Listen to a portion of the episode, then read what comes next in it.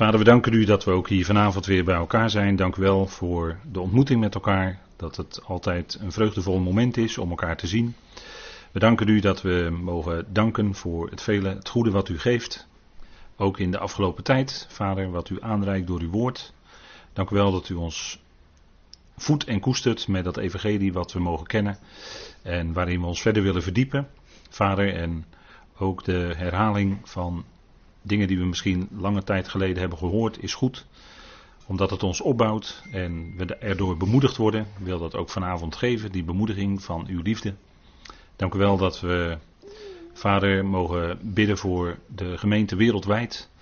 Al die gelovigen en heiligen in Christus Jezus, Vader. We danken u daarvoor. En we bidden u voor hen dat we allen vervuld mogen worden met de erkenning van uw wil. Zodat we in alle wijsheid en geestelijk inzicht u waardig wandelen. U in alles behagen en alle goed werk vrucht dragen. En zo mogen groeien in de erkenning van u. Vader, dank u wel dat u ons hart en verstand hebt verlicht door uw geest, door uw woord. Dank u voor dat geweldige uitzicht wat u ons geeft en dat we ook zo vanavond ons daarover mogen verblijden met elkaar. Geef daarin wijsheid van woorden. Geef ons een luisterend hart en dat we de dingen mogen zien die u bedoelt, Vader. Geef dat in uw wijsheid en liefde. Ook deze avond. We danken u daarvoor in de machtige naam van uw geliefde zoon. Amen.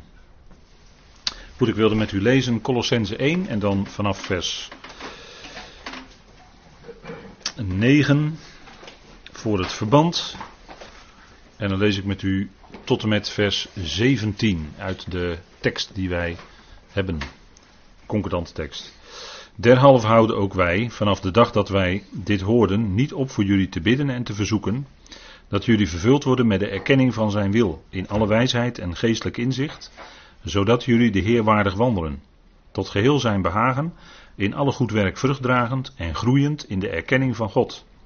Met alle kracht krachtig gemaakt in overeenstemming met de macht van zijn heerlijkheid, tot alle volharding en geduld met vreugde. Gelijktijdig de Vader dankend, die jullie bekwaam maakt voor het deel van het lot van de heiligen in het licht, die ons bergt uit het volmachtsgebied van de duisternis en overzet in het koninkrijk van de Zoon van zijn liefde, in wie wij de vrijkoping hebben, de vergeving van de zonden. Hij is het beeld van de onzichtbare God, de eerstgeborene van heel de schepping. Want in hem is het al geschapen, wat in de hemelen en wat op de aarde is, het zichtbare en het onzichtbare, het zij tronen, het zij heerschappijen, het zij soevereiniteiten, het zij volmachten, het al is door hem en tot hem geschapen. En hij is voor alles en het al heeft zijn samenhang in hem. Geweldige woorden die we hebben gelezen. En we zijn bezig met Colossense 1, de versen 12 tot en met 14.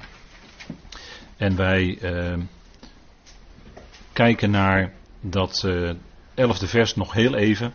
Daar gaat het over krachtig gemaakt worden. Krachtig gemaakt door de kracht van Vader.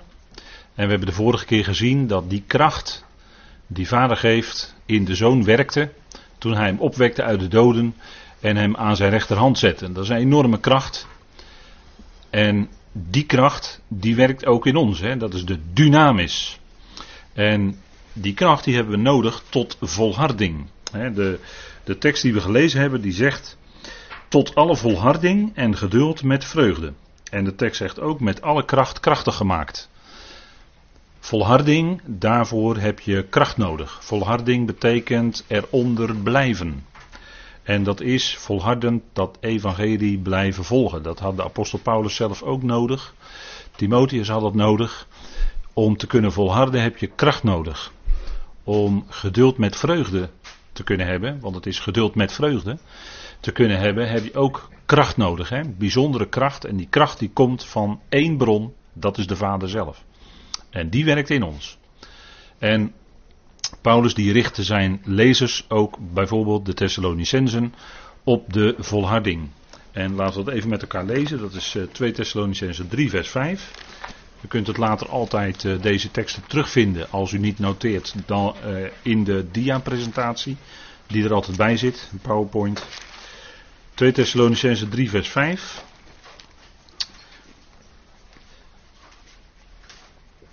En dat is een bemoedigend woord. Een bemoedigend woord voor ons, dat hebben we nodig, bemoediging onderweg. als we onder verdrukkingen en lijden volharden en geduld hebben, geduld met vreugde hebben, dan hebben we die bemoediging nodig die ons bekrachtigt. En dit is zo'n bemoedigend woord. 2 Thessalonicense 3 vers 3. Maar de Heer is getrouw, die u zal versterken en bewaren voor de boze. Dat is een geweldige belofte. En dat is de trouw van de Heer die onder ons leven is.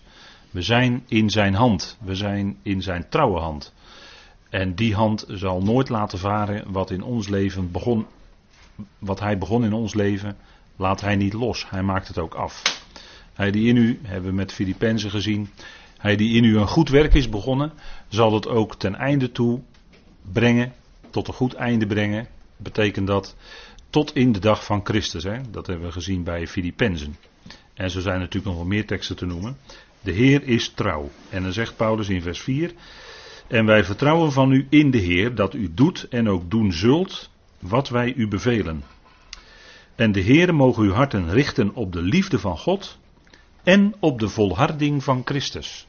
Kijk, zoals Hij volhardde, zo ook wij. En daarvoor had Hij de kracht van de Vader nodig. En wij ook. En daarom richt de apostel onze harten en onze ogen op de liefde van God. Want daar is waar ons hart op gericht is geworden. Ons hart door vervuld is geworden van de liefde van God. En dat is enorm als je dat beseft. Hè? Die liefde van God, dat gaat heel ver. Die zal nooit ophouden te werken totdat de laatste in zijn plan er ook bij is gekomen. Dan bedoel ik de laatste vijand. En dat is de tegenwerker. En natuurlijk de laatste vijand is de dood. Dat is de tweede dood, zeker. Maar die wordt uitgeschakeld en die zal buiten werking gesteld worden. dat staat in uh. Die wordt buiten werking gesteld uiteindelijk. Maar de laatste vijand van uh, die actief tegenwerkt, dat is de tegenstander. En de tegenstander zal ook eenmaal de knieën buigen. Want die wordt ook overwonnen door de liefde van God. En die zal ook uiteindelijk na Gods plan, aan het einde van Gods plan, van harte beleiden dat Jezus Curios is, dat Jezus Heer is. Ook die grote tegenstander. Dat is misschien wel een van de grootste overwinningen, dat ook de grootste tegenstander de knie gaat buigen en ook die vijand zal veranderd worden in een vriend. Die zal ook delen in de verzoening en dat is de liefde van God. En als God in staat is om die grootste vijand te overwinnen, dan zal hij alle vijanden overwinnen. Dat is een makkelijke optelsom, denk ik. Hè? Nou, die liefde van God die werkt vandaag in ons, in u en in mij, in ons leven. En die liefde van God die werkt dan ook naar buiten toe, naar anderen. Dat wij ook de anderen daadwerkelijk kunnen liefhebben. dat is wat Paulus als een van de eerste dingen zegt in Romeinen 12. Als hij spreekt over onze praktijk als gelovigen. De liefde zij dat is uh, echt, echte liefde. Echt liefhebben. En als je echt lief hebt, dan zul je ook geduld kunnen hebben met mensen. Dan kun je ze blijven lief hebben, ondanks, en vult u maar in, wat er dan na dat woord ondanks komt. Daar heeft u zelf allemaal ervaringen mee met andere mensen. Maar je kunt toch blijven lief hebben. Waar komt die kracht vandaan? Nou, dat is de kracht van Gods geest. Niets anders dan dat. Want uit jezelf kun je het niet. Uit jezelf is de beker een keer leeg. Heb je geen geduld meer. Als het van jouzelf zou afhangen. Maar als het van Gods liefde afhangt, als het van zijn geest afhangt die in je werkt, dan kun je blijven liefhebben tot het einde toe. En dat gaat heel ver. En dat is wat de apostel hier doet. Hij richt ons op de liefde van God. En die liefde van God die reikt heel ver. En die heeft met u en met mij tot op vandaag de dag geduld. want geduld is een uiting van Gods liefde. En zo kunnen ook wij die ander daadwerkelijk lief hebben en dan zeg je ja, dat is bovenmenselijk. Klopt, is ook bovenmenselijk. Is niet van uzelf, is van God.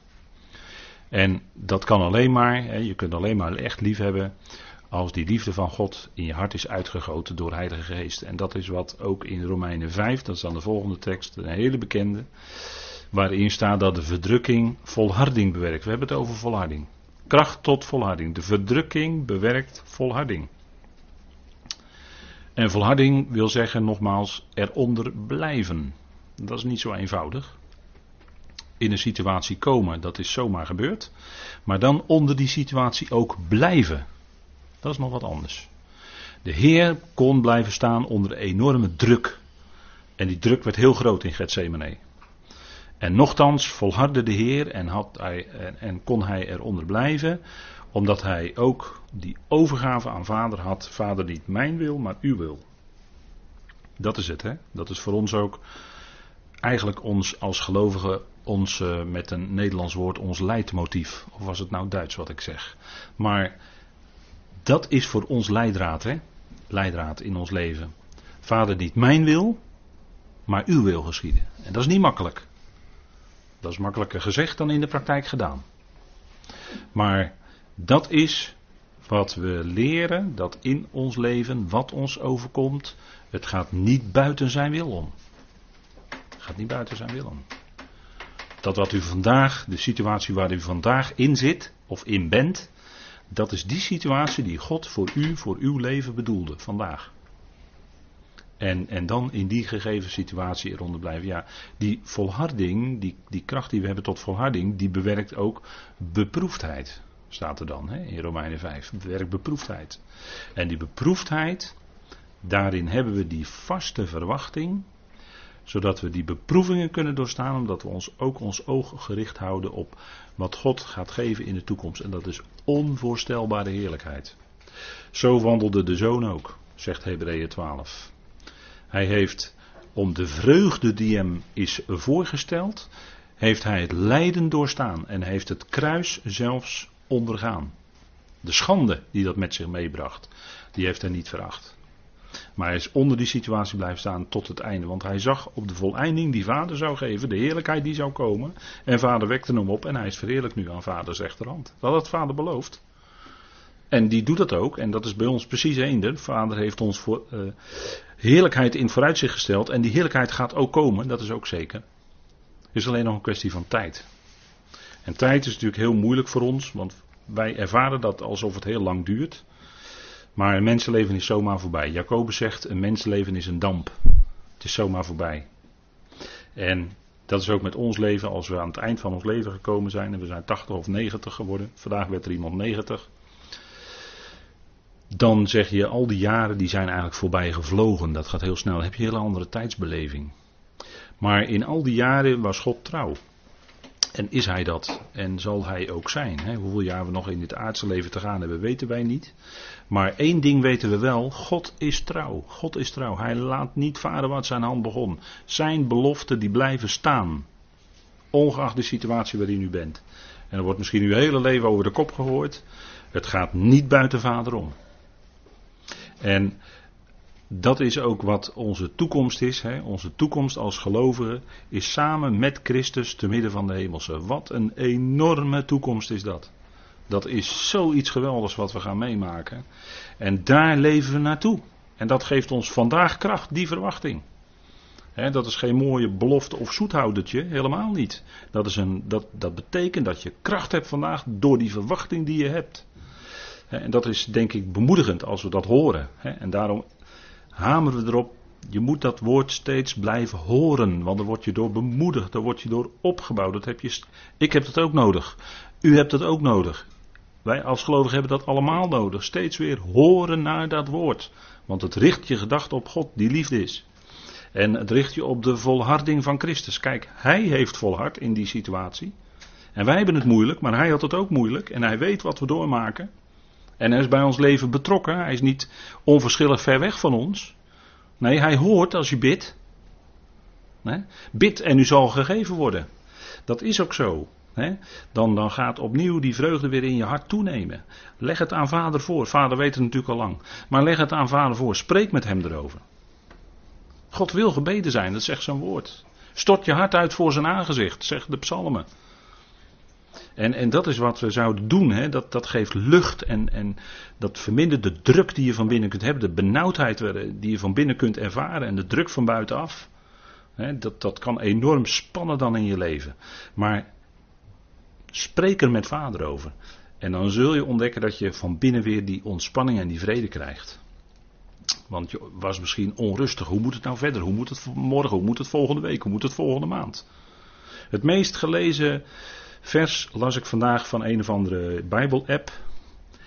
Uh, van het afgelopen jaar. De meest gelezen tekst is Filippenzen 4, vers 6. Dat gaat over gebed. Dat, dat is dus door christenen de meest gelezen tekst dit jaar. althans volgens, bij die app dan.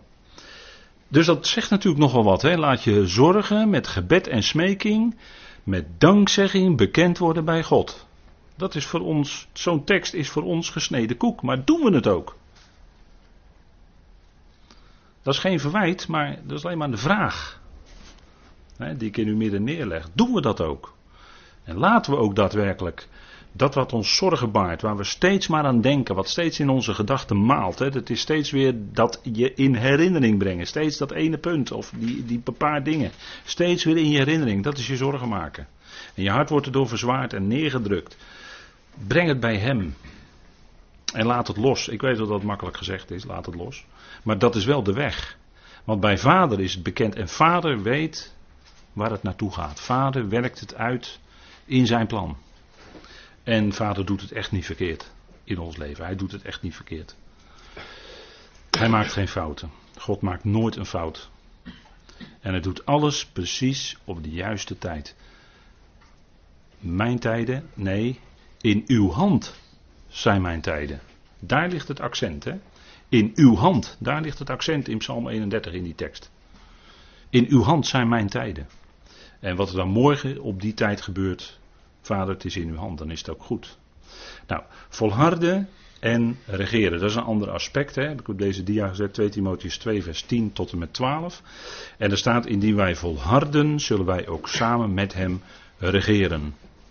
En we mogen vol vertrouwen onze handen in die van Vader leggen en weten dat Hij ons die kracht geeft tot volharding. En dat Hij die kracht geeft tot geduld met vreugde. Dat is ook genade. Hè? Geduld met genade zou je ook bijna kunnen zeggen vanuit het Grieks, omdat het hetzelfde begrip is. Gara of garis, dat, zit, dat is bijna hetzelfde. Geduld, want Hij schenkt ons die genade. Hij schenkt ons die kracht en daarom hebben we daar ook vreugde in samen met hem regeren. Hè, volharden en regeren. Dat hoort bij elkaar. En dat is denk ik een, een fijn punt wat ik nog aan u wilde meegeven. Naar aanleiding van de vorige keer. En dan gaat de tekst verder in Colossense 1. Gelijktijdig de Vader dankend. En dat is ook zo'n mooi woord, dankend. Daar zit ook dat garis in. Hè? Dat, uh, dat is eucharisteo. Dan hoort u, garis hoort u hè. Dat is ook danken, hè? danken voor datgene wat God ons geeft in zijn genade. En dat is ook danken voor, uh, ja, we zingen dat in dat lied, hè? en ik denk wel eens als we het zingen, gaat het misschien wel eens een beetje makkelijk. Uh, dan zing je het zomaar weg. Maar uh, dank u, dank u ook voor de moeilijkheden, of is dat nou een hele rare zin als we die zingen? En dan komt er nog iets achteraan. Maar kijk, dankend, dat is ja, dat is voor ons eigenlijk, als je het evangelie hebt leren kennen, dan ga je daarin, gaat je hart eigenlijk als vanzelf overvloeien van dankzegging. Als je weer beseft wat vader je gegeven heeft in zijn genade. En je gaat vader daarvoor danken, dan gaat je hart overvloeien van dank. En dan gaat je hart denk ik ook zingen. En dat hoeft niet, over, dat hoeft niet luid weg te zijn. Want ik doe dat niet, want ik kan helemaal niet zo goed zingen. Maar wel je hart. Je kunt wel in je hart zingen. En dat is wat je hart gaat doen als je dat evangelie van Paulus echt goed leert kennen. Als het in je hart is geland. Dan ga je daarvan zingen. Dan gaat je hart van binnen. Vreugde. Ja, dat wordt een bron van vreugde in je. Die nooit meer, dat houdt nooit meer op. En dan, dan houdt dat zingen eigenlijk ook niet meer op. En kan, kan tijdelijk neergedrukt worden door dingen die je overkomen. Maar dankend, hè, gelijktijdig de Vader dankend. Dat is wat Paulus steeds in zijn brieven herhaalt. Hè. Dat is ons niet aangeboren dankzegging, maar dat is wat we wel leren. En dat doen we ook in Efeze 5. Dat is zo'n parallel met de Colossense. En daar zegt Paulus in Efeze 5, vers 18: Wees vervuld met de geest, tot jezelf sprekend. En dat, is, uh, dat loopt gelijk op met vervuld zijn met zijn woord. Want woord en geest, dat gaat samen. Die kun je niet loskoppelen van elkaar. Dat brengt ook vrucht. En dan word je vervuld met alle goedheid en gerechtigheid en waarheid staat er dan in Efeze. Dat is die kostelijke vrucht die zich dan in je leven gaat zetten. Je wordt vervuld met goedheid, gerechtigheid en waarheid. Want dat evangelie van de apostel Paulus, dat is de waarheid voor vandaag. En dat andere evangelie van de besnijdenis, dat is niet de waarheid, is wel waarheid, maar dat is niet voor vandaag.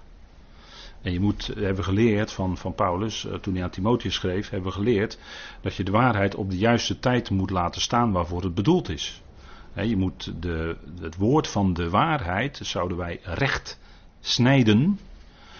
Dat wil zeggen dat als je iets snijdt, dan ga je, valt, valt er dus een verdeling. Maar Gods woord is een eenheid, dat blijft altijd een eenheid. Alleen je moet dat woord van de waarheid wel snijden. Dus je moet kijken wat is nou voor die tijd bedoeld, van, van het verleden en de toekomst, het koninkrijk, en wat is voor nu bedoeld. Voor nu is dat evangelie van Paulus. Dat is de waarheid voor vandaag. En dat kun je niet, dat, daar kun je niks mee, daar kun je niks aan veranderen. Dat is gewoon de waarheid voor vandaag. En dat evangelie van de besnijdenis is straks die heerlijke waarheid voor de besnijdenis in de toekomst, als het koninkrijk onder de Messias, Jezus gaat komen op aarde, dan geldt weer het evangelie van de besnijdenis. En dat is dan de waarheid voor die tijd. En dat moet je laten staan. dat kun je, niet, kun je ook niet met elkaar vermengen. Dat is ook geen, geen, eh, dat is niet handig, want dan verliest allebei zijn kracht. Dan gaat alle kracht eruit. En dan komt er in feite een anathema over, zegt Paulus dan in Gelaten 1. En dan komt het in een soort ban. Dan ligt, daar ligt de ban op. Hè. Dat, dat, dat geeft geen kracht. Dat heeft geen kracht in zich. Uh, en dat zal op den duur je ook in verwarring brengen en houden. En dat is die ban hè, die er dan op ligt, dat anathema wat Paulus zegt. Wees vervuld met de geest, zegt Paulus in uh, Efeze 5, vers 18.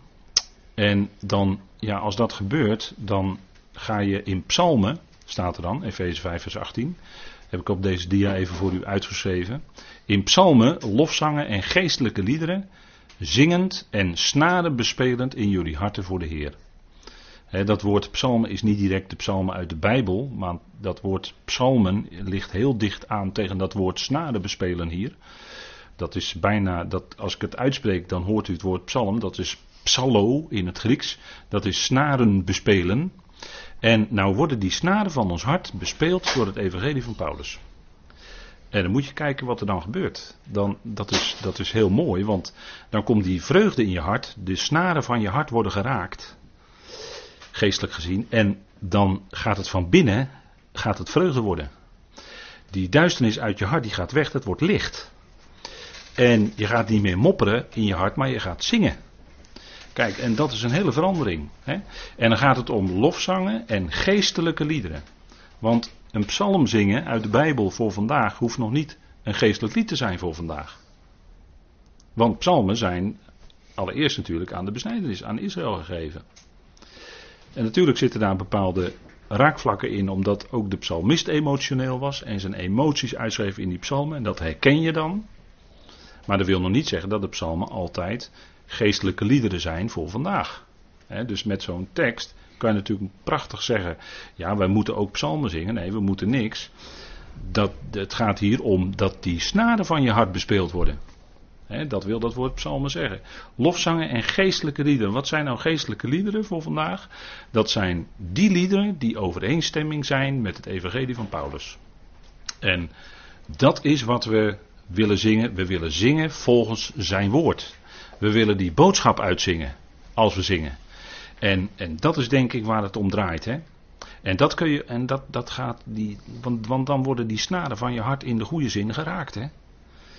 En, en dan zegt u ja, dat evangelie van Paulus heeft bij mij van binnen ook een snaar geraakt, zeker. En dat, die snaar die blijft maar trillen. Want dat blijft maar die mooie, prachtige muziek van binnen opleveren. Waardoor je van binnen een mens wordt die dat ook naar buiten toe uit gaat stralen natuurlijk. En dat is wel eens gezegd. Ja, als ik naar de televisie kijk en ik zie jullie diensten, dan zie ik allemaal van die strakke gezichten of van die treurige gezichten. Ja, maar denk erom dat mensen in hun leven lijden. En dat lijden kun je soms van de gezichten afscheppen. Maar dat wil niet zeggen dat er van binnen wel degelijk die vreugde zit. Daar moet je niet in vergissen. Je moet niet alleen naar de buitenkant kijken. Je moet ook naar de binnenkant kijken. Dat doet de Heer, die ziet het hart aan. En die ziet wat in die harten leeft. Ondanks het uit, aan de buitenkant het lijden, is er aan die binnenkant die vreugde. Alhoewel je dat misschien niet altijd aan de gezichten ziet. Dus daar moet je ook voorzichtig mee zijn. Hè? Maar dat is ook wat het evangelie in ons doet. Dat is dat je onder de verdrukking en onder het lijden eronder kunt blijven staan. En dat je werkelijk echt geduld kunt hebben. Dat is, dat is zo ontzettend belangrijk. dat is lang met elkaar er de moed in houden. Dat zegt dat ouderwetse Nederlandse woord langmoedigheid. maar dat is ook eigenlijk wat het Griekse woord ook meer zegt. wij korten het af met geduld. Maar langmoedigheid, dan hoor je meer het Grieks hoor. Maar goed, eh, ik ga nu, nu niet over vertalingen, hoe je een woord moet vertalen, spreken. Ik wil u alleen een beetje meer laten horen wat in het Grieks staat. En, en dat is toch, denk ik, fijn dat je tientallen jaren toch met elkaar, ondanks alles en ondanks problemen die er zijn en ondanks onderlinge meningsverschillen, toch met elkaar er de moed inhoudt. Dat kan. Geduld hebben. En dat komt omdat de Heer dan de snaren van ons hart bespeelt. En u ziet hier op deze dia door Rembrandt geschilderd David en koning Saul. David die speelde op de harp en dat bracht koning Saul tot rust. Hè. Dat deed iets bij hem. Nou, bij ons is er nog veel meer dan alleen rust. Bij ons is er echt werkelijke vrede gekomen in ons hart. En ons hart wordt bespeeld door de Heer in feite. Hè. En dan staat er altijd dankend. Want we hebben het over danken in de tekst. Hè? Gelijktijdig de Vader dankend. Daar hebben we het over. Colossense 1 vers 12. En die dank die komt ook naar voren in Efeze 5. Hè? Altijd dankend voor alles in de naam van onze Heer Jezus Christus aan God de Vader. Dus even heel eenvoudig, daar adresseren wij onze dank aan God de Vader. En dan staat er zo voor alles. En daar moet je even over nadenken natuurlijk, hè, als je dat zo leest. Voor alles. Danken voor alles. Oei. Oei, oei, oei. Want u kunt nu zo een aantal dingen gaan opnoemen. En dan zeggen, ja, moet, moet ik daar ook voor danken? U moet niks. U moet niks. U moet, u moet helemaal niet danken, want als u moet danken, dan is het geen echt danken, denk ik. Nee, die, die dank die komt van binnenuit. Die dank die wordt gewerkt door de genade die in je hart is gaan werken. Het evangelie, het goede nieuws, dat in je hart je de snaren bespeelt. En dan komt er als vanzelf dank uit naar vader. En dan komen de moeilijkheden en dan komen de problemen, dan komt de pijn van het leven. Dan komt het verdriet van het leven. Over, vult u maar in wat het is. U kunt dat zelf het beste invullen, dat weet ik allemaal niet. Maar dan toch daarvoor kunnen danken. Toch daarvoor kunnen danken. Want dat is wat Filippenzen 4 vers 6 ook zegt. Hè? Al je zorgen met gebed en smeking, met dank, bekendmaken bij God, de Vader. En dan wordt het anders. Dan wordt het anders. Want dan ga je je richten tot degene, tot Vader met een hoofdletter, die jou verwekt heeft door het Evangelie. Je bent zijn kind, je bent zijn zoon. En daardoor weet vader precies wat je nodig hebt in jouw leven. En zet hij met jou die stappen die je in je leven gaat, die weg die jij moet afleggen. Dat is dan kennelijk de weg die vader voor jou heeft bedoeld. Kan heel moeilijk zijn. Kan heel diep gaan. Maar in die diepte is vader nabij, hè? Dat zegt Psalm 139 toch? Zelfs al zouden wij opklimmen tot in de hemelen, of zouden we afdalen tot in het Sheol, tot in de Hades, tot in het onwaarneembare. Daar is God ook, daar is Vader ook. Je kan, niet, je kan hem niet ontvluchten hoor, al zou je naar het andere eind van de wereld gaan. Maar daar is Vader ook, hij laat je niet los, hij laat je niet gaan. Zijn liefde laat je niet los hoor. Je bent altijd in zijn hand. En dan is het goed als je dat beseft, Vader, het is goed. En dan kun je Vader leren danken ook al zijn er heel veel moeilijkheden, ook al zijn er diep, is er een diep verdriet, toch Vader danken. En die staat altijd dankend voor alles. En er zijn ook heel veel fijne dingen die gebeuren, daar kun je ook voor danken. Natuurlijk, maar dat spreekt voor zich. En daarom leg ik nu toch wat meer de nadruk op dat dat voor alles ook inhoudt de dingen die wij niet fijn vinden. Dat we daar ook voor kunnen leren danken misschien. Omdat dat in zijn vaderlijke hand is. Omdat het nooit buiten hem omgaat. En dat we gedragen, ons gedragen weten door zijn liefde. En dat is dan ook wandelen in het volle licht. Hè? Want vanavond gaat het ook over licht en duisternis in tekst, hebben we gelezen. In dat volle licht. Beseffen dat alles uit hem en ook, en ook komt het moeilijke, en ook door hem en ook tot in hem is. Maar het is ook door hem. Dat is die weg, dat is onderweg. En dat lijden en die verdrukkingen en die moeilijkheden, die zijn niet oneindig. Daar heeft God een beperking aan gesteld. Dat gaat een keer stoppen. En dan komt wel alles overstijgende oneindige heerlijkheid. Die komt wel. Dat is wel oneindig. Maar het lijden en de weeën, de schepping leidt weeën vandaag de dag. Weeën leidt, hè, dat zegt Paulus in Romein 8. En dat is om een geboorte tot stand te brengen van dat nieuwe wat gaat komen. En als dat nieuwe gekomen is, dan is dat lijden voorbij. En daar zijn we naartoe op weg. En God heeft het zo beschikt in zijn schepping en in zijn plan, dat het is door lijden heen. Dat is die moeilijke weg. Maar de heerlijkheid komt gegarandeerd.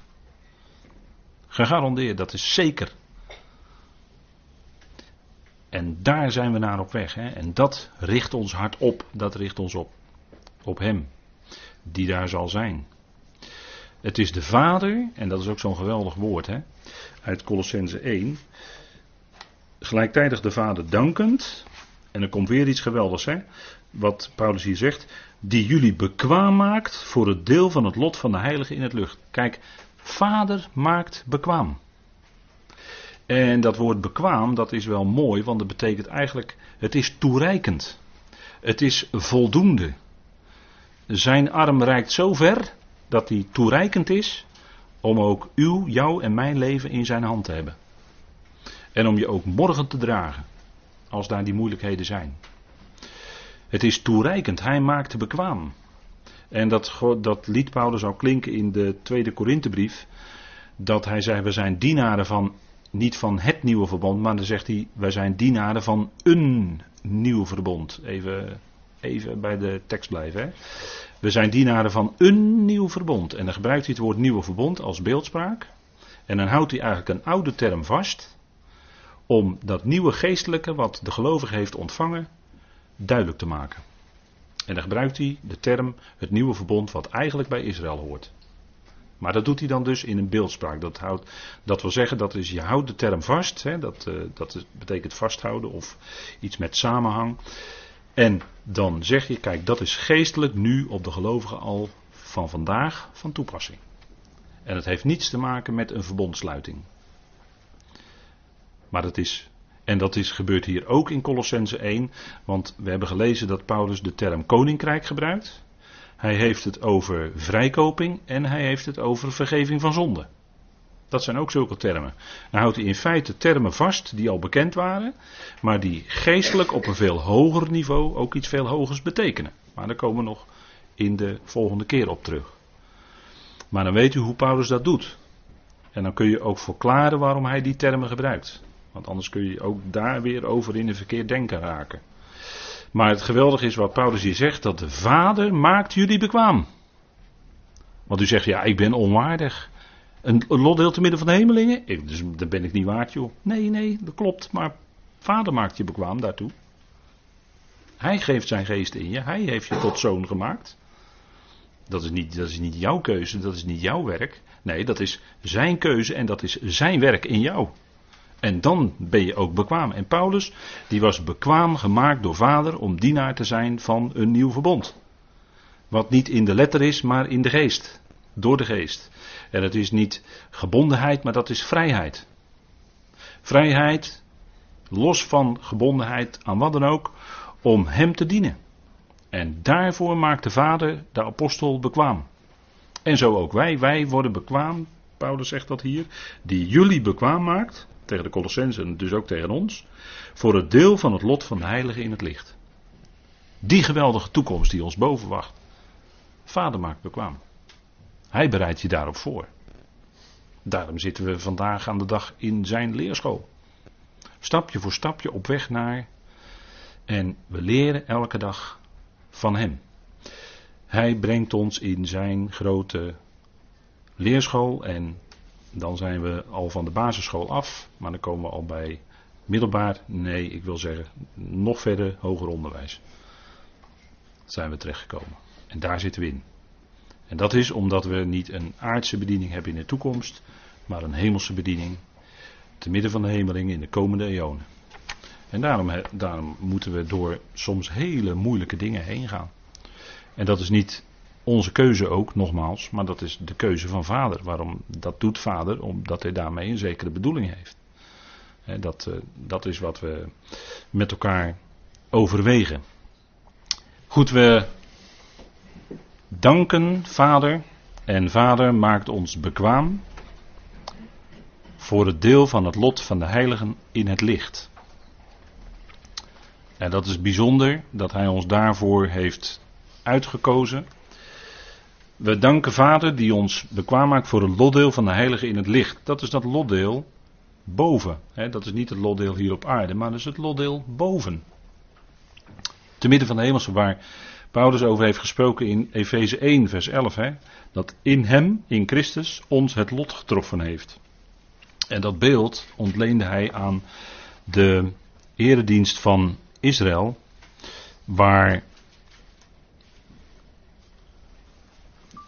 waar hij aan refereert, hè, dat lotdeel, dat was onder Jozua.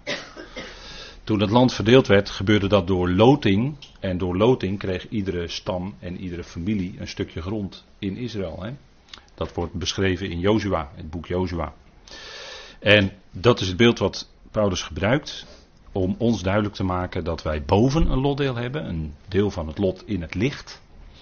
En daar is in de toekomst dus boven voor ons dat gebied weggelegd waarover Filippenzen zegt dat ons domein in de hemelen is. Let op, niet op aarde, maar ons domein is in de hemelen. Hè? En dat is dus onze toekomst. En dat maakt het voor ons moeilijk, omdat het, wij dat dus niet concreet kunnen zeggen. Nou, daar op aarde, in een, in een stuk land, daar is onze toekomst. Nee, onze toekomst is boven met Hem. En daar is dan ons gebied waar wij bezig zullen zijn met die hemelse machten en krachten, om die ook tot onderschikking aan de Christus te brengen. Dat is het doel, hè? dat die ook van vijanden vrienden worden. Dat die ook gaan delen in de verzoening. Want de verzoening strekt zich niet alleen uit naar de hele mensheid, maar strekt zich ook uit naar de hemelse machten en krachten. Daar spreekt Colossense 1 over. En dat is uh, nog niet bekend gemaakt werd dat in uh, 2 Korinthe 5. Want daar gaat het over de wereld en gaat het over mensen. Maar in Colossense 1 gaat het wel degelijk over heel de schepping. We hebben het gelezen. Hè? Al wat in hem geschapen is, zal ook door hem met God verzoend worden. En dat is in feite op Golgotha al gebeurd via zijn kruis en opstanding, maar zal in de toekomst uitgewerkt worden. En zal uiteindelijk al die machten en krachten betreffen. Zelfs de tegenstander. Zelfs de grote tegenstander van God. Zal uiteindelijk ook de knieën moeten buigen. Dat is natuurlijk ook beeldspraak, want de geest heeft, helemaal geen knieën. Maar zal de knieën moeten buigen en zal van harte beleiden dat Jezus Heer is. Die overwinning gaat komen. En die is in feite op Golgotha al behaald, want daar zijn die hemelse machten en krachten openlijk tentoongesteld. Ook Colossense is dat. En zo heeft hij over hen gezegevierd. En wij delen in die overwinning. En daarom hebben wij ook geestelijke strijd. Wij verdedigen ons tegen de aanvallen van de tegenwerken die via vlees en bloed op ons afkomen. Maar daarom, hebben wij geen, daarom raken wij niet verwikkeld in een handgemeen met vlees en bloed. Of ik moet eigenlijk zeggen bloed en vlees. Maar wij zijn betrokken in een oorlog, want niet minder dan dat woord wordt gebruikt, gebruikt een oorlog tegen ons. En wij verdedigen ons. Hè. Wij hebben een hele wapenrusting om ons te verdedigen tegen de aanvallen van de tegenwerker. Waarom? Omdat wij als leden van het lichaam van Christus, ja, wij zijn het die straks daarboven zullen zijn en dan gaat hij eruit. Hij wordt in het midden van de jaarweek op de aarde geworpen. En dan zal hij korte tijd rondgaan als een brullende leeuw. Nu niet, maar straks wel. Op aarde. En dan zal het echt, echt dik nood worden hoor, voor de mensheid. Grote verdrukking. Maar daarom, Omdat wij die positie hebben in Christus, en dat is geestelijk, maar daarom hebben we ook geestelijke strijd. Onze strijd is niet met een letterlijk zwaard, maar is met een geestelijk zwaard, dat is het woord van God. Dat hebben we als verdediging. En dat borstschild van de gerechtigheid, sandalen met, van vrede. Sandalen van vrede. Met die sandalen maken we contact met deze aarde, met de mensen die op deze aarde rondlopen. En vanuit onze houding is het met de ander vrede. Vrede. Het is vrede. En als wij degene zijn om wie steeds conflicten hangen, dan is er iets aan de hand. Ik bedoel, als wij de dan bedoel ik als wij de veroorzaker zouden zijn van conflicten. Maar dat zou zo niet zijn. Wij zouden erop uit zijn om vrede te houden met alle mensen in zonderheid met de gelovigen. En, en soms denk ik dat het soms met de gelovigen nog moeilijker is om vrede te bewaren. Omdat juist daar, onder de gelovigen, te midden van gelovigen, tussen gelovigen, daar wil die tegenwerker een wicht tussen drijven enzovoort. Daar is hij bezig te vroeten. Om door middel van bijvoorbeeld andere leringen, dat zijn zijn strategieën, andere leringen tussen gelovigen te komen en zo de gelovigen uit elkaar te drijven. Dat, is, dat is volop aan de hand. En de Vader dankend voor de lotdeel van de Heilige in het licht, want wij waren dwaas en in duisternis. Maar dat is het geweldige, we zijn nu niet langer doelloos. We hebben het doel gekregen voor ogen. We hebben Christus leren kennen. En dan heb je niet meer filosofie nodig, dan heb je niet meer religie nodig, maar Christus is het antwoord. En we zijn ook op, door hem op God gericht. We zijn met een mooie beeldspraak zonen van het licht en zonen van de dag. Licht zou ons leven kenmerken. Dat we licht verspreiden en geen duisternis. Want we zijn juist van het ene in het andere overgegaan. En daarom in we zijn apart gezet, we zijn heiligen. het lotdeel van de heiligen in het licht. En heilig betekent altijd apart gezet. Heilig betekent niet zonderloos, maar heilig betekent apart gezet voor God. Om Hem te dienen. Toegewijd zijn aan Hem. Dat waren de voorwerpen in de tabernakel ook. En die konden zich, heb ik wel eens vaker gezegd, die kunnen zich niet gedragen. Een altaar kan zich niet gedragen, maar is wel heilig in de tabernakel en in de tempel. Dus apart gezet voor de dienst aan God. Die kandelaar ook, hè, die zevenarmige kandelaar. Die geeft licht. Nou, dat is een voorwerp, maar is ook heilig. Want die dient daarin, de, in de dienst aan God. En de tabernakel is ook een weerslag van de goddelijke dienst aan de hemelsen. Hè? Mozes had hemelse dingen gezien. En hij had het voorbeeld gezien, het hemelse voorbeeld. En daarvan moest in die voorwerpen, in de tabernakel, moest dat allemaal gemaakt worden. Dat was naar het voorbeeld, voorbeeld wat Mozes op de berg had gezien. Mozes had hemelse dingen gezien. Hebreeën schrijft daar ook over. Hebreeën 8 schrijft over de goddelijke dienst van de hemelsen. Dus daar is wel degelijk gebeurd iets. En in die goddelijke dienst zijn ook heiligen, geheiligde geestelijke wezens. En wij zijn heiligen, staat hier, voor de lotdeel van de heiligen in het licht. Ook al zegt u van uzelf, nou ik ben helemaal geen heilig boontje hoor. En die en die, die geloven, is helemaal geen heilig boontje. Nee, nee, maar God zegt wel dat we heiligen zijn. We zijn apart gezet. En op God gericht. In contact met zijn woord. En daarom zijn we heilig. We hebben zijn geest ontvangen. Heilige geest. Daar zijn we zelfs mee verzegeld. Dus vanuit die hoofden zijn wij heiligen. En dat we ons niet altijd op God gericht gedragen. Ja, dat is wat anders. Maar daar spreekt Paulus ons ook op aan in zijn brieven. om ons weer even aan te herinneren, joh. Zo, dat is de lijn. En trek je er weer bij. Veroordeelt je niet, nooit. Maar trek je er wel weer bij. Dat is liefde. We zijn niet langer doelloos, maar gericht op God, zonen van het licht en zonen van de dag. Wij behoren niet aan nacht of duisternis toe, hè, zegt Paulus in Thessalonicense. dat zal ons leven kenmerken. En het mooie is dat in Efeze staat ook de vrucht van het licht. Want groei in de natuur als planten en bomen moeten groeien, hebben ze licht nodig. Dat is, dat is, dat is bekend in de biologie. En licht is ook in ons leven, en dat is alleen maar een illustratie van het geestelijke. Hè. Die hele natuur die er is, is een illustratie van geestelijke waarheden. Daarom heeft God het zo geschapen natuurlijk. Opdat we iets van die geestelijke waarheden zouden kunnen verstaan. Maar we hebben licht in ons leven, daardoor zet zich ook vrucht. Hè? De vrucht van het licht bestaat in alle goedheid en gerechtigheid en waarheid. Hebben we er net ook al even over gesproken. Kijk, die kracht die we hebben ontvangen, dat is eh, ook zijn licht. En die, dat licht van God verdrijft de duisternis uit ons leven. Als je in een kamer donker is en je doet het licht aan, is de duisternis weg.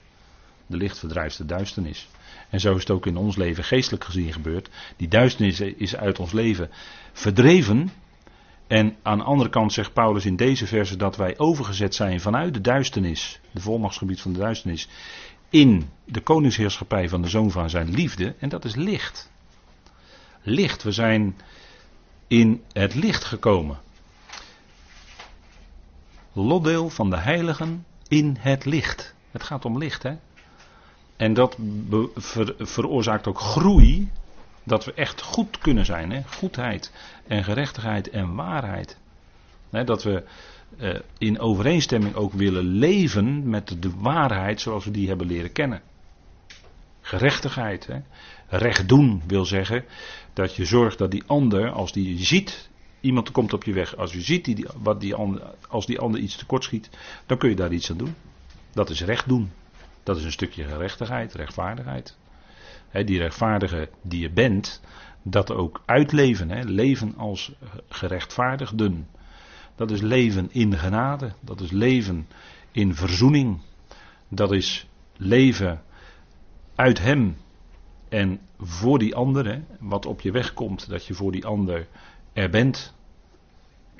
Dat je die ander daardoor laat zien: ik heb je lief, ik ben er voor je. En ik wil er voor je blijven zijn als het nodig is. En zo kunnen we elkaar, hè, nou, goedheid, gerechtigheid en waarheid, dat zijn geweldige begrippen die de vrucht blijken te zijn van het licht. Het licht in ons leven. En dat is wat onherroepelijk groei geeft. Hè. Groei in kennis, natuurlijk, daar begint het allemaal mee. Maar ook groei in erkenning. Groei in erkenning van zijn wil. Dat je steeds meer gaat erkennen, ja vader, dit wat op mijn weg komt, dat is uw wil. Het is uw wil. En misschien heb je van binnen wel even nog zoiets van, ja maar dit wil ik eigenlijk helemaal niet. Totdat je er met vader over spreekt en tot de erkenning komt, ja maar vader, nee. Ik lag van binnen wel even dwars in mijn hart, maar nee vader, het is uw wil. Ik aanvaard het als uw wil. En dan komt er weer die vrede, daalt dan weer neer. Hè? Die vrede van God daalt dan weer neer in je hart. En dan kun je weer verder. En dan is er misschien van buiten druk. En dan is in zekere zin ook nog misschien van binnen benauwdheid door je omstandigheden. Maar dan heb je toch die vrede van God in je hart. Omdat je weet, nee vader, dit is, dit is uw wil voor mijn leven. Die weg wil ik gaan. En u geeft mij daarvoor de kracht. Want vader is trouw. Hij geeft vandaag de kracht voor vandaag. En hij zal morgen ook die kracht voor morgen weer geven. Want hij is trouw. Hij doet wat hij zegt. Hij maakt zijn belofte waar. Er is geen enkele andere. Er is niemand verder. Er is geen enkele. Dan zijn het allemaal afgoden. Er is niemand te vergelijken met de God en Vader die wij mogen kennen. Er is niemand mee te vergelijken. Er is ook geen ander dan. Hij is de enige ware God. Buiten hem is er ook geen enkele andere. Kan niet. Onmogelijk. Dus wat Israël beleid. Er is één God. En die God is trouw. Die God is trouw ook als het gaat om Israël. En wat bij gelegenheid een weerspannig en tegensprekend volkje is. Maar ja, soms zijn gelovigen dat ook. Van vandaag, die zijn dat soms ook. Niettemin, God heeft geduld. En hij draagt met veel geduld, zegt Paulus in Romeinen 9. Met veel geduld draagt vader de instrumenten, de vaten die hij inzet, tot verontwaardiging, tot toren, zegt de vertaling. Maar God draagt ze met veel geduld. En God heeft met u en met mij een oneindig geduld. En hij gaat door. Hij gaat door met zijn werken in uw en mijn leven. En hij zet daartoe dingen in om ons ook te vormen, hè, te modelleren. Want wij worden omgevormd toch naar het beeld van de zoon. Nou, daarvoor is hij bezig in ons leven als de grote pottenbakker. En hij, zijn handen, zijn liefdevolle handen, kneden ons tot dat wat hij, waar hij ons hebben wil, namelijk het beeld van de zoon. En het kan best zijn dat er dan dingen in je leven zijn waardoor je ouw zegt, heel zachtjes, of misschien heel hard ouw roept. Dat kan. Maar dan zijn het niettemin die liefdevolle handen van die grote pottenbakker die God is. En die ons omvormt naar zijn beeld, naar het beeld van de zoon. En, en zo is hij met ons bezig. Hè? En dat is het licht. Kijk, wat, wat we dan met elkaar lezen uit het woord, Romeinen 8 bijvoorbeeld. Dat is het licht wat God dan geeft in ons leven. Het licht op onze levensweg, op ons pad. En gaan we steeds meer zien. Dat licht wat uit zijn woord komt, laat ons zien. Zo is vader bezig. En dan heb je ook het licht op je weg. Dan weet je ook wat vader aan het doen is. Dan tas je daarover niet langer in duisternis. Maar je accepteert in het volle licht van bijvoorbeeld Romeinen 8. Je accepteert dat het goed is wat vader in je leven doet. En tegelijkertijd bemoedigt hij ons, want het blijft niet alleen bij tranen en verdriet, maar die zullen veranderen in vreugde. Droefheid gaat voorbij, maar de vreugde zal blijvend zijn. Het lijden is tijdelijk. En in onze strijd, hè, want ik had het net over geestelijke strijd, zelfs oorlogvoering. Hè. Nou, God is licht, wij zijn zonen van het licht. Ook zo'n mooie beeldspraak zonen van het licht. En dan zijn er allerlei tegenwerkende krachten van de duisternis. En die houden er allerlei eh, methodes en strategieën op na. Hè? Nou, even met elkaar lezen in Efeze. Efeze 4. Laten we het even met elkaar lezen. Efeze 4 en ik lees u uit de concordante tekst. En we zijn stapje voor stapje de tekst ook aan het nalopen, want er komt over enige tijd een nieuwe uitgave aangevuld met nog meer brieven van Paulus. Dat zit er allemaal aan te komen. En hij zegt dan in Efeze 4.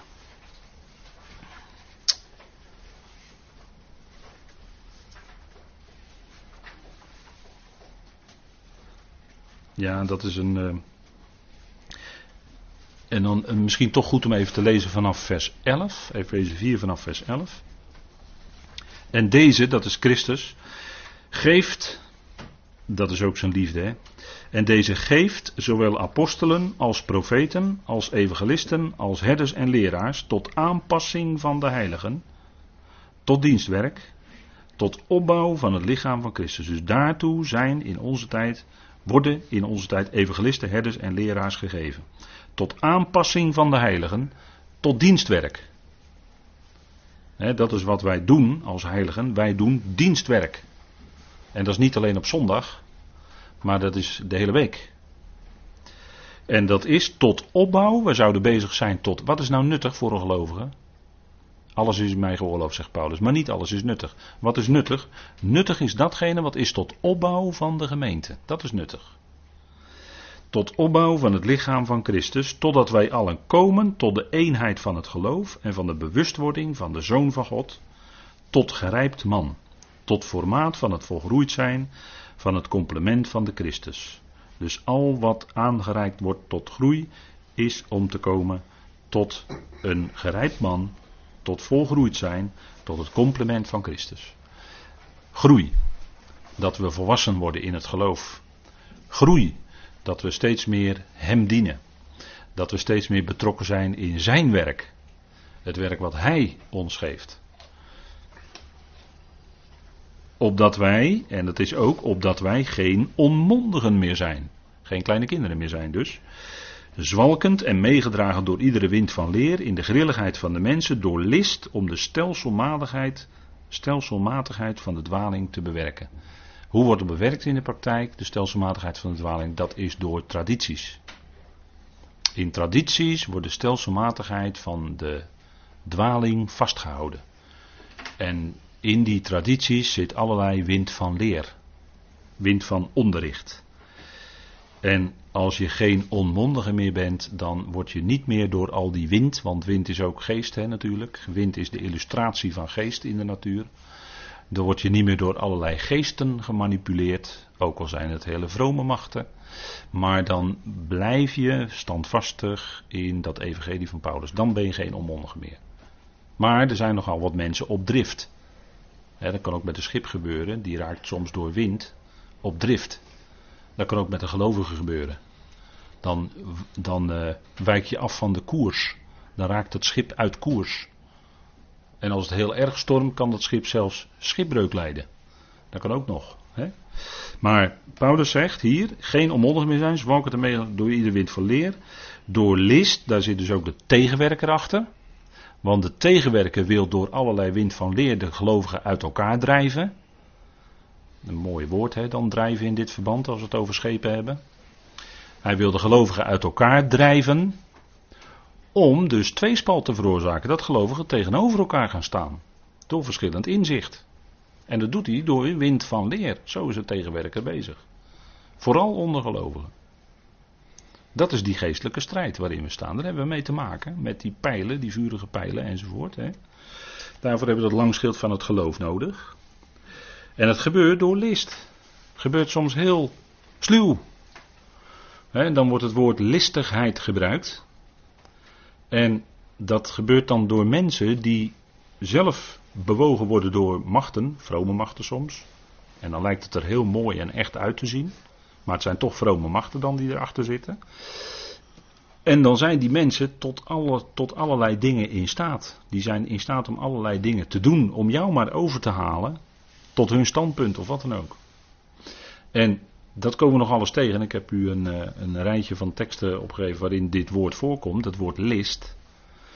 En bijvoorbeeld in 2 Korinthe 11 zegt Paulus dat de tegenstander die doet zich voor als een boodschapper van het licht. Dan lijkt het net echt. En dan gebruikt hij ook nog misschien wel dezelfde terminologie. Dan neemt hij misschien ook nog woorden als gerechtigheid of rechtvaardigheid of verzoening in de mond. Of laat die mensen in de mond nemen. Maar dan bedoelen ze als inhoud wat anders dan wat het evangelie van Paulus zegt wat rechtvaardigheid en verzoening is. En het ligt soms heel subtiel, het ligt soms heel dicht bij elkaar. En dat is allemaal om mensen op het verkeerde pad te brengen. Om mensen af te leiden van waar het werkelijk om draait. En daarom zouden we in datgene wat wij mogen weten, daarin groeien en tot volwassenheid komen. En dan ben je geen onmondige meer. Dan laat je niet meer zwalken, want dat gaat de schip dan doen. Hè? Dat is het beeldspraak die Paulus hier gebruikt. Zwalkend en meegedragen door iedere wind van leer. En als je om je heen kijkt, dan zie je dat gewoon gebeuren bij gelovige mensen. De ene, de ene jaar is het dit, en de andere jaar uh, moeten ze met z'n allen weer dat. En dan is dat weer hoog op de agenda. En dan moeten ze dat weer doen. En ze zijn scheepjes die de ene, de ene keer naar links en de andere keer naar rechts afzwalken. En dat is, dat is, wat we niet zouden doen. En die zijn, in, die zijn zonder het te beseffen en met alle goede bedoelingen en met alle goede werken die ze erbij hebben.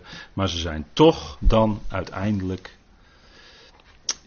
misschien voor een deel in onder beslag van die tegenstander gekomen. En dat is wat Paulus ook in Efeze 6, en dan lezen we nog even, dan zullen we daarna pauzeren.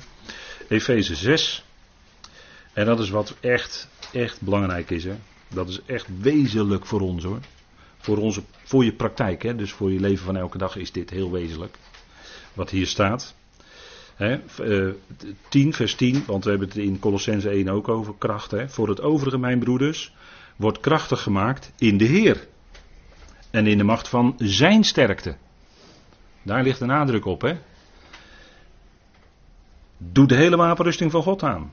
Opdat jullie stand kunnen houden tegen de strategieën van de tegenwerker. We vallen niet aan, we houden stand. Wij voeren geen aanvalsoorlog uit, maar wij verdedigen. En dan worden daar tegen ons ook bolwerken opgeworpen, zegt Paulus in 2 Korinthe 10. Daar gebruikt hij dat woord, hè? Bolwerken. Dat is in 2 Korinthe 10 gaat het ook over geestelijke strijd, hè? hetzelfde. Hetzelfde onderwerp. Bolwerken worden tegen ons opgeworpen, tegen de kennis van God. En daarvoor, daartegen kunnen we alleen één ding doen: stand houden, staan. Doordat we die wapenrusting aandoen. Want het is voor ons geen worsteling met bloed en vlees, maar stand houden tegen de soevereiniteiten, tegen de gevolmachtigden, tegen de wereldmachten van deze duisternis, tegen de geestelijke machten van de boosheid, te midden van de hemelingen. Daar zijn wij geplaatst. En vandaar dat we daar ook last van hebben. Daar heb je bij tijd. En het is bijna nooit rustig. En als het, ik heb wel eens vaker gezegd, als het rustig is, dan ben ik op mijn hoede. Want dan gaat er weer wat komen. En dat is 99 van de 100 keer is het ook zo. Dan is het bijna verdacht rustig, maar dan komt er wel weer iets. En dan komt de onrust weer. Die, die wordt veroorzaakt door. maar, en het heeft ook vrijwel altijd met het woord te maken hoor. Want ja, u weet het, dat is een beetje afgezaagd als ik het zeg. rondom het woord is altijd strijd. Maar denk erom dat het zo is hoor. Denk erom dat het echt in de praktijk zo gaat. Het gaat nooit makkelijk om het woord uit te brengen. Dat is nooit makkelijk. Dat komt, dat komt hierdoor. Door die machten en soevereiniteiten, die geestelijke machten, die, die zitten ons dwars. Die zijn constant aan het tegenwerken. Op welke manier dan ook. En als je daar niet op voor op je hoede bent, dan tuin je er zelf ook nog in bijna. Of echt.